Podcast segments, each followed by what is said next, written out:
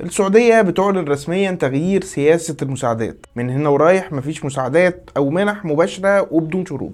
إيه معنى التصريح ده وليه دلوقت؟ أنا محمد شوشة ومعايا سالي حسام في بودكاست سين جيم في دقائق.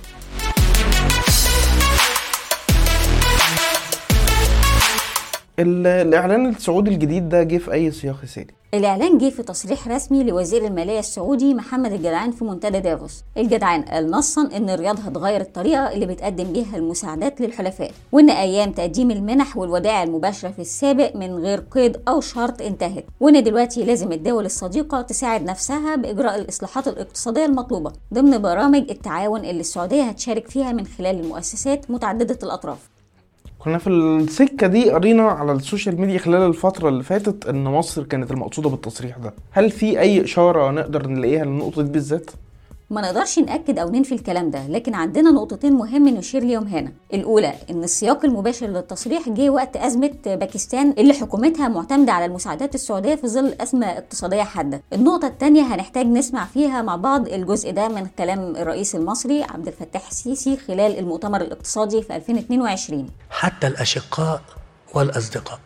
أصبح لديهم قناعة بأن الدولة المصرية غير قادرة على الوقوف مرة أخرى.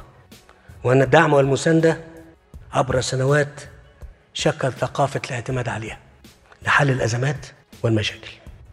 في تعبير كتبته بس مش هقوله. لدرجة إن لما كان حد لما يلاقوا في مشكلة موجودة قوي في مصر يقول لك إيه؟ طب ما يسافر. ما إيه؟ كلام صعب قوي مش كده. ما يسافر. شوفوا يسافر. خلاص الناس ساعدت كتير قوي بقى لها سنين بتساعد. أنا بقول بقى لها سنين بتساعد. وأنت ما ساعدتش نفسك. عمرك ابدا مهودك هيسلم وتقف. طيب نقدر نتوقع إيه التأثير المباشر من التغيير المعلن عنه ده على المساعدات اللي بتوصل للدول المستفيدة؟ بحسب محللين السعودية مش ناوية توقف مساعدات لكن هيكون في تغيير في شكل المساعدات.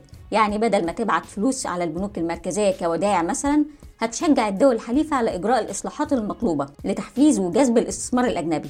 وبعدين ضخ استثمارات سعودية في الدول دي مع استمرار رفع سقف الودائع بشكل مؤقت. كمثال كده هنشوف في حالة باكستان إن السعودية رفعت حصة الاستثمارات من مليار دولار أعلنت عنها في أغسطس ل 10 مليار بعد الأزمة الأخيرة. ده بالتزامن مع زيادة سقف الودائع في البنك المركزي الباكستاني ل 5 مليار دولار. طيب ده بالنسبة لباكستان بالنسبة بقى لدول المنطقة بتاعتنا إيه اللي ممكن يحصل؟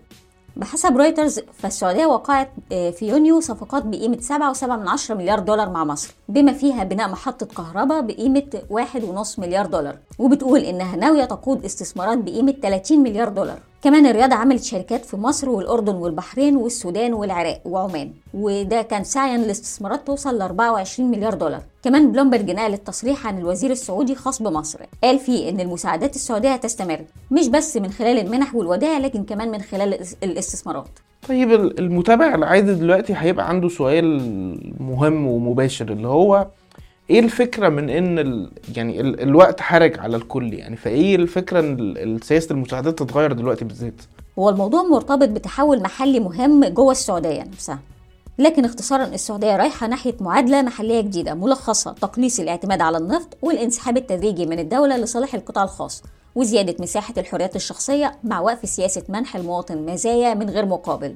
النوع ده من الإجراءات كانت السلطات السعودية بتتجنبه في الماضي. دلوقتي بقت بتعتبره جزء من هوية عصرية بتعتمد على المواطن المسؤول. وكان في تصريح مهم للمحلل محمد الحامد رئيس مجموعة إليت جروب اعتبر فيه إن التعديل الجديد في سياسة المساعدات السعودية انعكاس للتغيير المحلي ده. زي ما بطلب من المواطن السعودي إن هو يدفع نصيبه في فاتورة الإصلاح كمان بطلب من الدول الصديقة إن هي كمان محتاجة تدفع فواتيرها بنفسها. وبما إن كده كده عندي فائض وإنت عندك عجز فبدل المسكنات نفكر في حلول أعمق ونحول حزم الحلول بتاعة الأزمات الاقتصادية لاستثمارات طويلة الأمد. فيبقى أنت كسبت وأنا كسبت. هنسيب لكم المصادر في ال description كالعادة وهنا بتكون انتهت حلقتنا. استنونا الحلقة الجاية من بودكاست سين جيم في دقائق.